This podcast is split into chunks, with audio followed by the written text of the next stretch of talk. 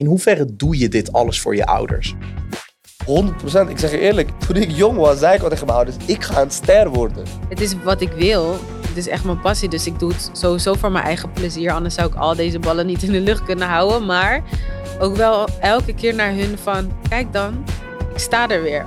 Hallo iedereen, mijn naam is Wafik Yousefi en samen met Omroep Zwart maak ik de podcast Geluk Gezocht. Hierin ga ik in gesprek met bekende Nederlanders met een migratieachtergrond over de rol die hun ouders en de oversteek naar Nederland hebben gespeeld in hun carrière.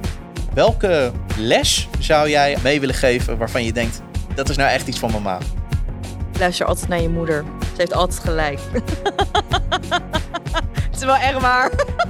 Volg Omroep Zwart en houd onze socials in de gaten voor nieuwe afleveringen.